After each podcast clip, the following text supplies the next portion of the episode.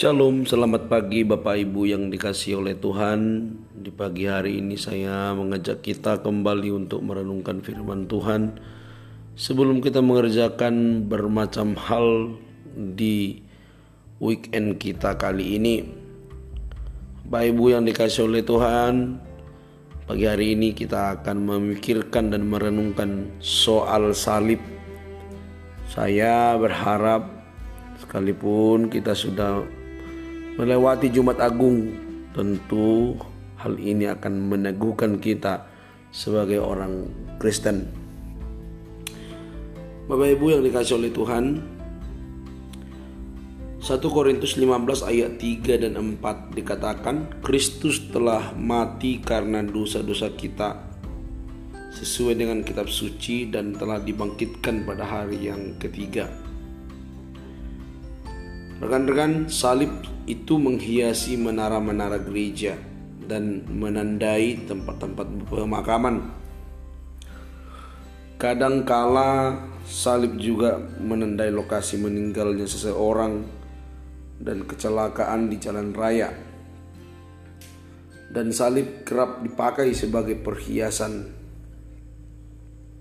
Salib mengingatkan seorang kepada Yesus Kristus saya menjadi sadar akan hal itu ketika seorang pengusaha yang melihat salib emas kecil di jaket saya bertanya, "Mengapa Anda mempercayai Kristus?"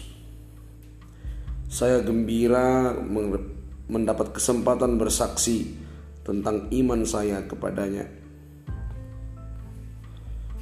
Yesus mati di kayu salib bagi kita dan tapi kita tidak menyembah juru selamat yang mati.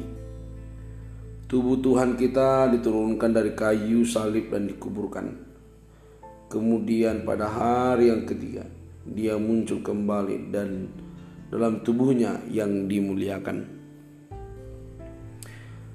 Salib memberikan gambaran yang menyeluruh kepada kita, yakni tentang kematian penebusan Tuhan atas dosa-dosa kita dan kebangkitannya untuk menempat melepaskan kita dari kuasa maut.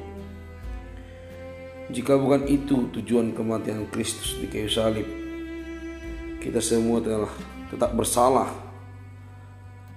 di hadapan Allah dan tidak berdaya ketika dihadapkan dengan maut. Namun melalui iman kepada Yesus kita menerima pengampunan atas segala dosa kita dan dijamin bahwa maut tak dapat mencengkram kita. Bapak Ibu yang dikasih oleh Tuhan, sudahkah kita memandang kepada salib dan menaruh iman kepada pribadi yang telah mati dan bangkit di sana? Itulah salah itulah satu-satunya cara yang pasti dan sempurna untuk pulih dari rasa bersalah dan takut. Bapak Ibu yang dikasih oleh Tuhan, salib Kristus adalah persimpangan jalan menuju surga dan neraka. Salib Kristus adalah harapan kita satu-satunya. Salib Kristus adalah kekuatan kita dalam menjalani kehidupan. Tuhan memberkati kita semua. Shalom.